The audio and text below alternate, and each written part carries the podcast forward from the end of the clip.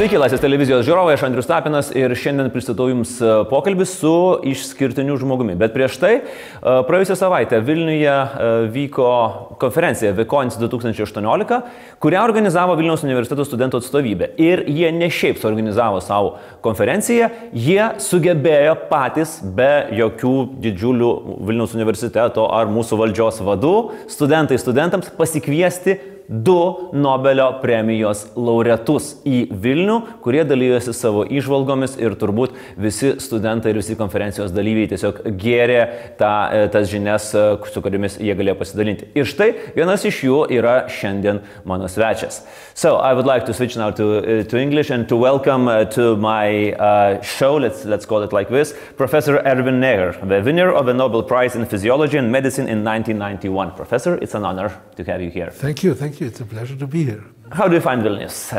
Very cold. it's very cold, yes. First time I've been here. Uh, uh, I had a chance yesterday to look around a little bit. Uh, fantastic buildings, very nice impressions. Um, impressed by the beautiful snow, you know, the soft snow. Yeah. Yeah, yeah, yeah. We we get already a little bit fed up with that snow. I can it's imagine. since November, I I think. imagine. yeah. Mhm. Uh, Professor, I just uh, told my, my viewers in Lithuanian that uh, I I'm really amazed that the, this is the conference uh, run by students and the students invited you. So it's inspiring, isn't it? Yes, yes. The fact is that you hardly can um, uh, deny when students invite you. Oh yes, that's a catch. so that's a catch, yes, and I was happy to come. Mhm. Professor, let's start. Uh, as a kid uh, or being a high school student, uh, did you already know that you are going to devote your life to scientific research?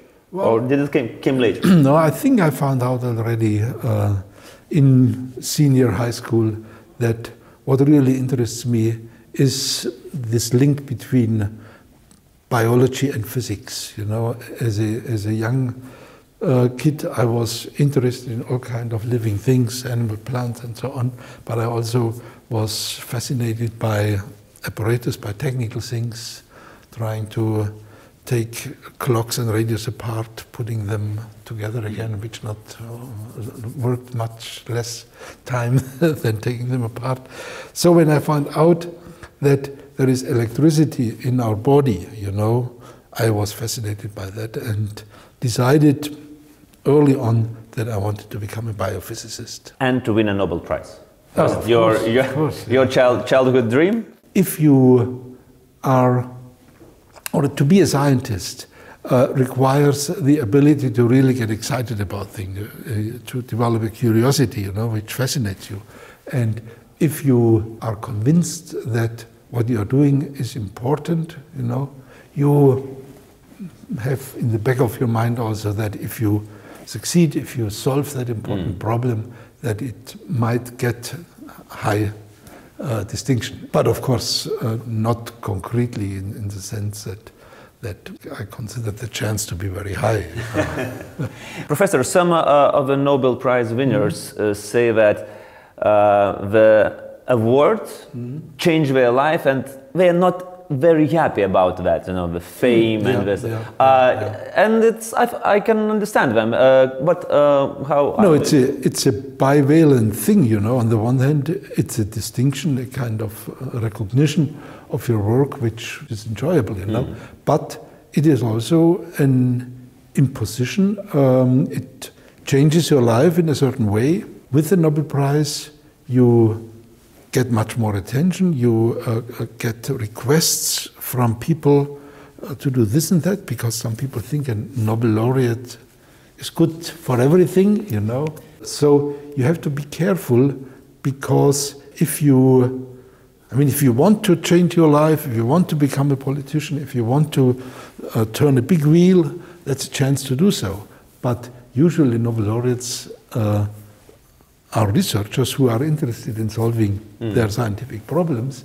And in order to do so, you have to learn how to cope with this kind of new influences. You know, you have to learn how to handle this in order not to be pushed around uh, by other people, but Yeah. uh, to go back to what you want to do. You know.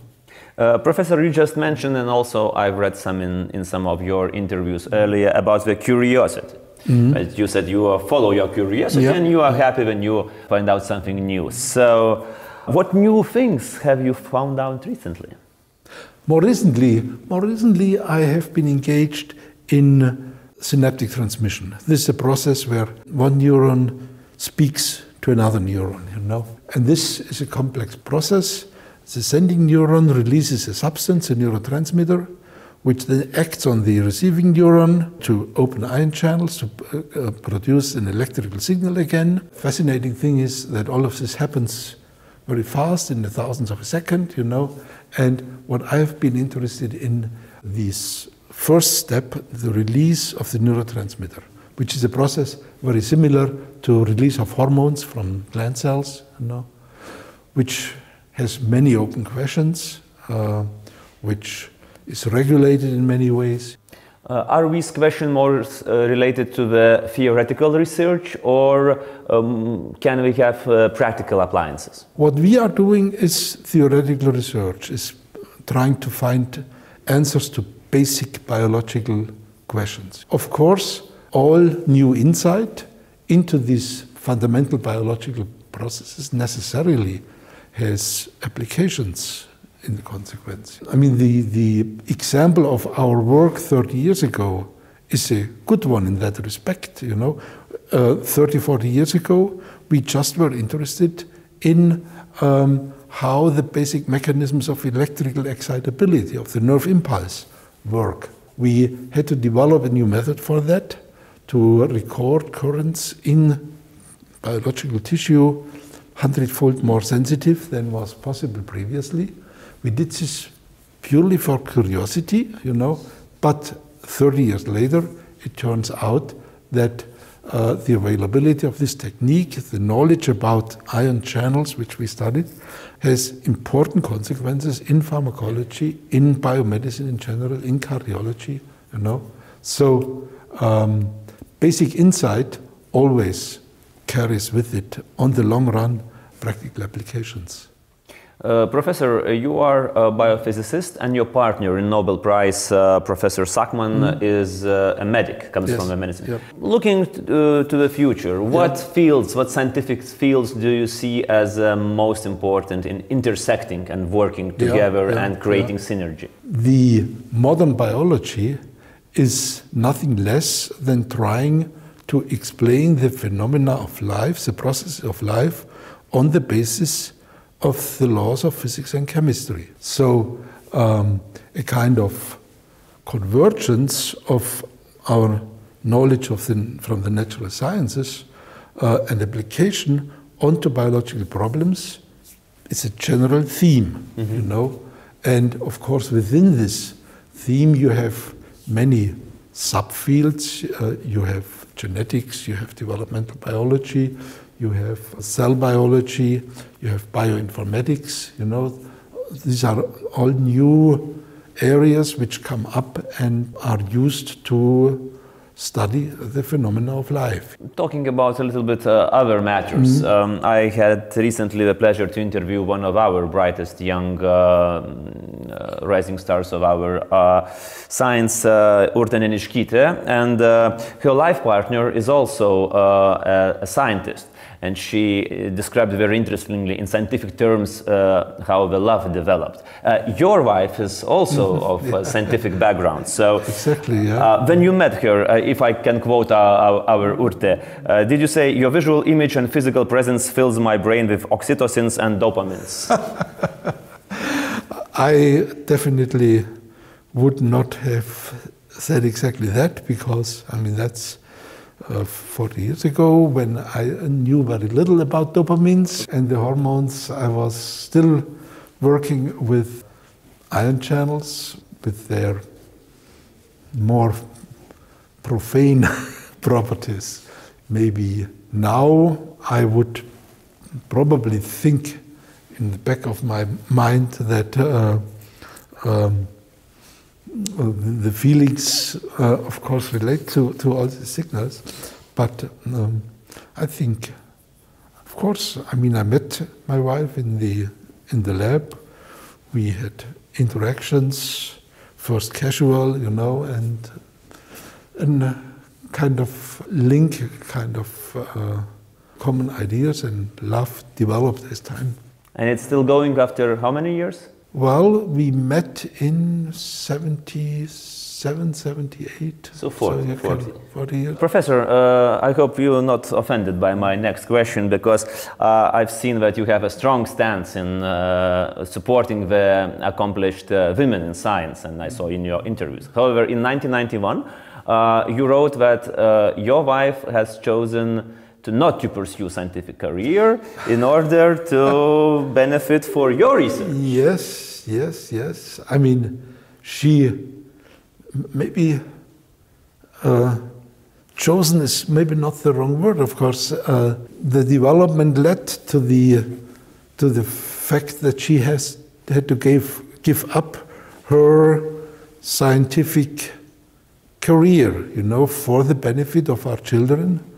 Uh, we tried hard uh, for her to continue, you know, but it turned out that with our third child, then things became unsatisfactory, mm. both for, I mean, from her stand, uh, point of view, both from the standpoint of doing science, because she just couldn't do it to the extent anymore uh, which is required to do science.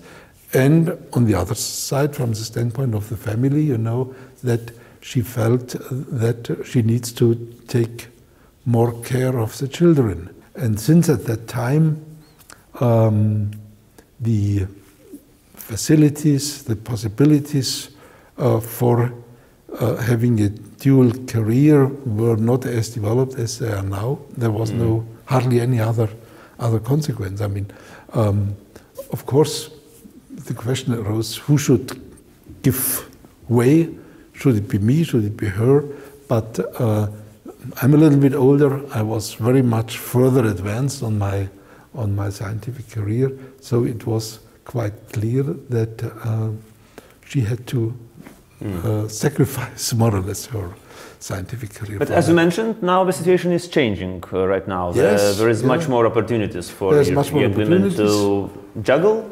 Also, I mean, with uh, respect to, to our case, my wife succeeded in getting back into science relatively early when the ch children grew up, not as an active scientist, but uh, she developed a great um, drive and, and skills in setting up an institution for science education mm. of um, um, high school students. You know, mm. and and and I think she feels well rewarded uh, by that. Mm.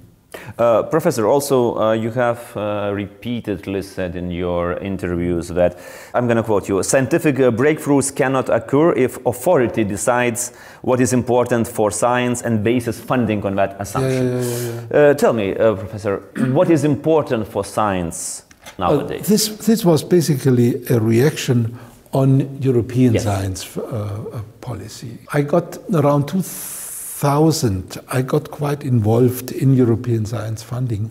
And I was asked to join an advisory board, the Europe, which is a, was a group of scientists directly advising the commissioner. And I realized that the kind of concept of science funding in Brussels is just the opposite of what I'm used as mm-hmm. a scientist. You know, as a scientist, I'm used to identify a problem which I think can be solved, which is really interesting, and I ask for money to do so. Yes. Uh, European science policy, the other way around, they think or thought that the Commission, with the advisory body and several advisory bodies, knows what are the most pressing problems, you know, and they define these most pressing problems and then we call for proposals so that researchers can apply to solve that problem mm. as defined by the Commission. Now, it's just like the Commission or, uh, decides that a, a bridge or, an, uh, or a highway has to be built somewhere, and companies can apply for doing the job. Yes. You know, and uh, it is my conviction that with this approach, you cannot identify, uh, uh, I mean, you can identify pressing problems, but not those which are up for being giving way, you know, mm-hmm. uh, for, for, for being actually successfully addressed. Only the scientist working uh, knows uh, what's the next step, you know, uh, what's the right step to do. Yeah. Mm-hmm. If we are uh, speaking about European science mm-hmm. policy, how would you rate if we take the free power basis of, of scientific research?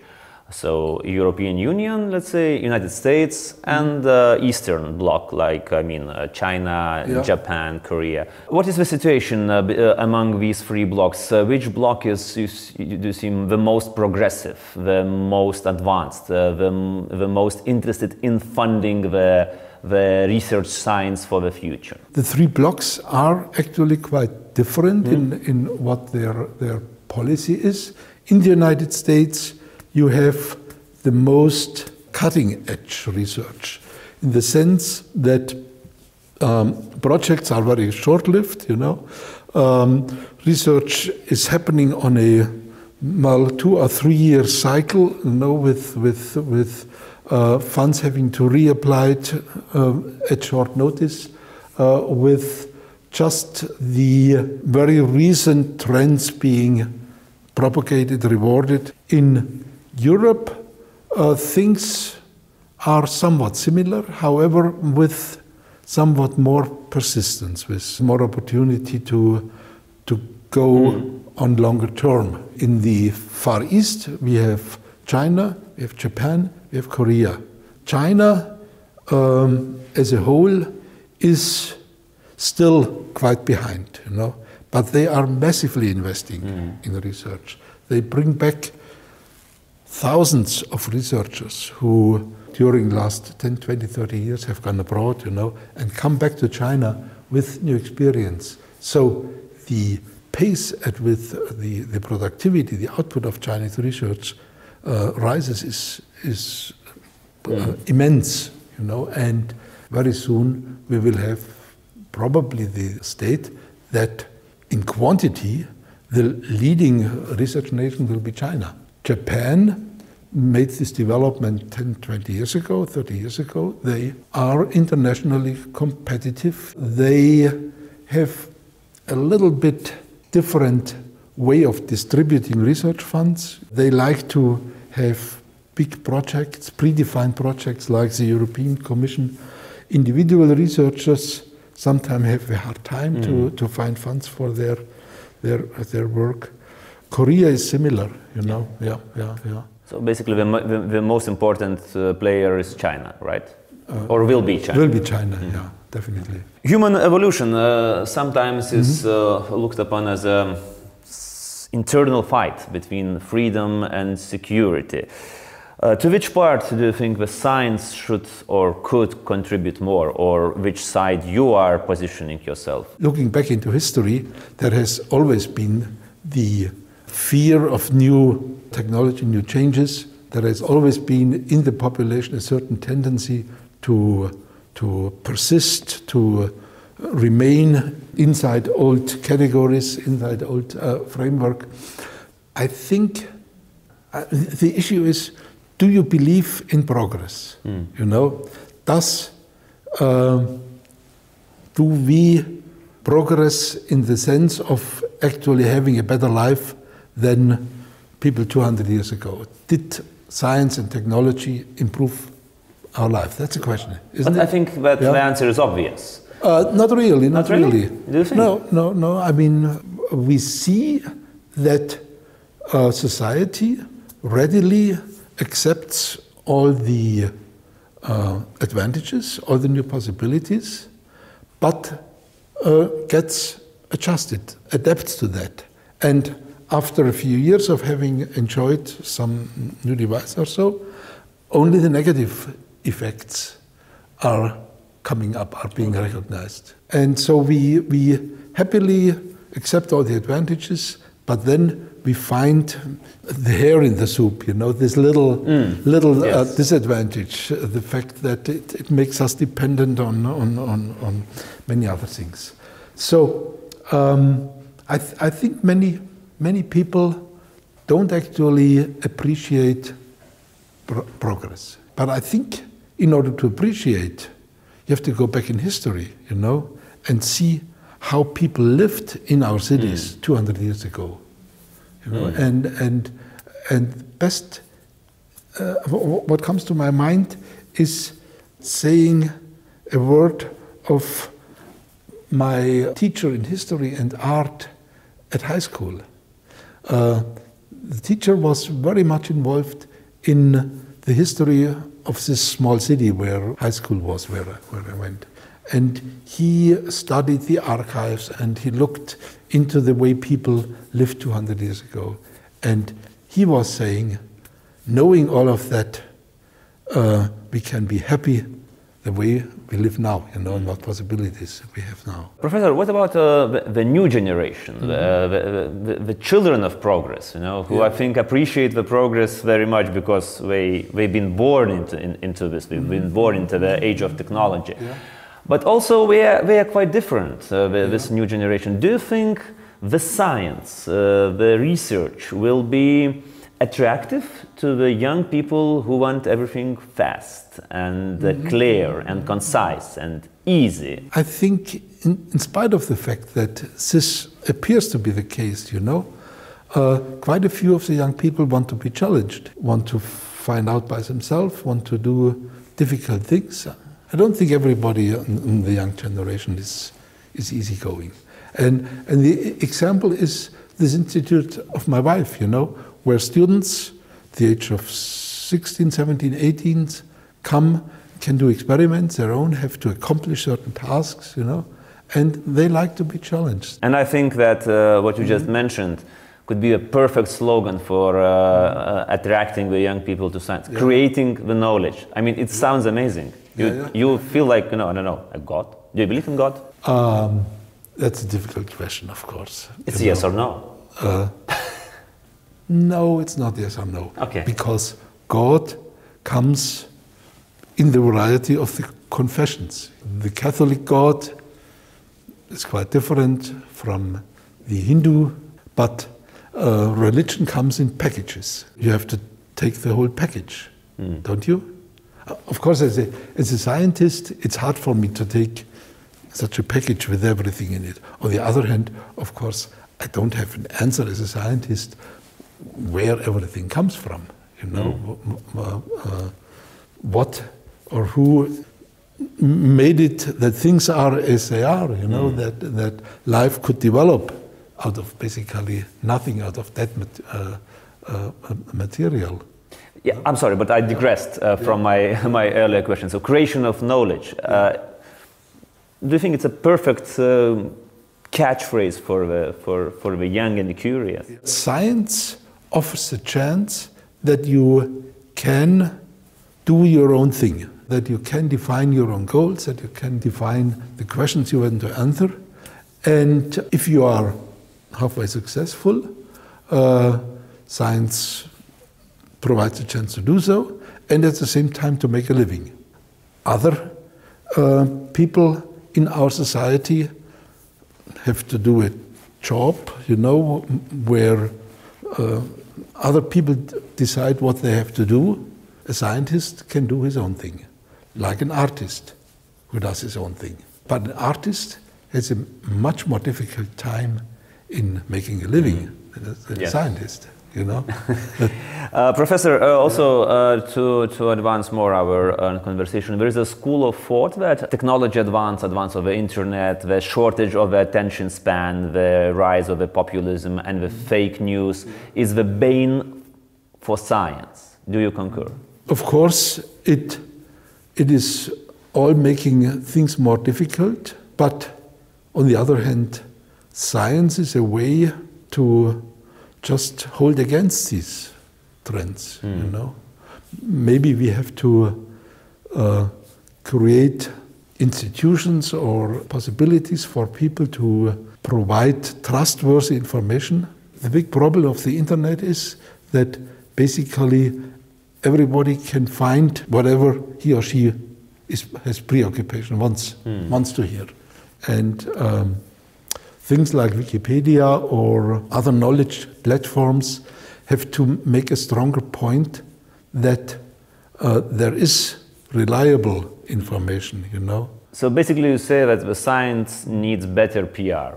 Uh, in a way, In yeah, a way. in a way, yeah, yeah, yeah, I think so. Professor, looking into the near future, uh, what scientific topics, what areas of research you think will be the hottest uh, in upcoming, let's say, three to five years, in a very short um, future? Bioinformatics, you know, we heard a very interesting talks this morning here about data mining, you know, making use of these huge amounts of information which comes through sequencing. In the neuroscience field, of course, there are two things. On the one hand, the health related research, I mean, research trying to solve these still unsolved problems like degenerative diseases on the one hand. On the other hand, artificial intelligence, recent advances in uh, learning machines, in, in, in autonomous driving, and so on, you know. It's fields which. It's exciting. fast. It's Yeah, exciting to yeah, hear, yeah, even for you know, for a, for a layman, for Uh-huh, non-scientist. yeah. It's exciting thing, exciting time to be alive. I think so, yeah. Uh, Professor, our, our own uh, scientist, uh, uh, Mr. Šikšnys, was very close to getting a Nobel Prize as well, but we are very optimistic about our growing young uh, scientists, and I'm pretty sure that one of them is going to be awarded a Nobel Prize. So please, uh, can you share some tips how not to spend Nobel Prize foolishly? Some, you know, economic tips. For me, the prize came exactly at the right time when we were building a house, you know, and not have to go to the bank. Ah, that's Yeah. the perfect occasion. Yeah, yeah, yeah, yeah, yeah. So investing there in, in a nice place for the family is certainly a good thing to do. And it's every time you come home, you see, ah, this is my Nobel Prize. Yeah, yeah. Professor, thank you very much for your time. It was uh, very interesting to hear. Thank you for being here, and I hope uh, you enjoy your visit in Vilnius. I'll do so. Yeah. Uh, Ponios ir ponai, tai buvo uh, Nobelio premijos uh, laureatas Ervinas Neheris. Ačiū žiūrėjusiems šį mūsų išskirtinį interviu. Tikiuosi, kad buvo įdomu ir tikiuosi, kad tai tikrai ne paskutinis toks pokalbis Laisvės televizijoje, nes apie mokslą, apie progresą šioje televizijoje mes tikrai norime, galime ir šnekėsime ateityje. Ačiū ir iki malonaus.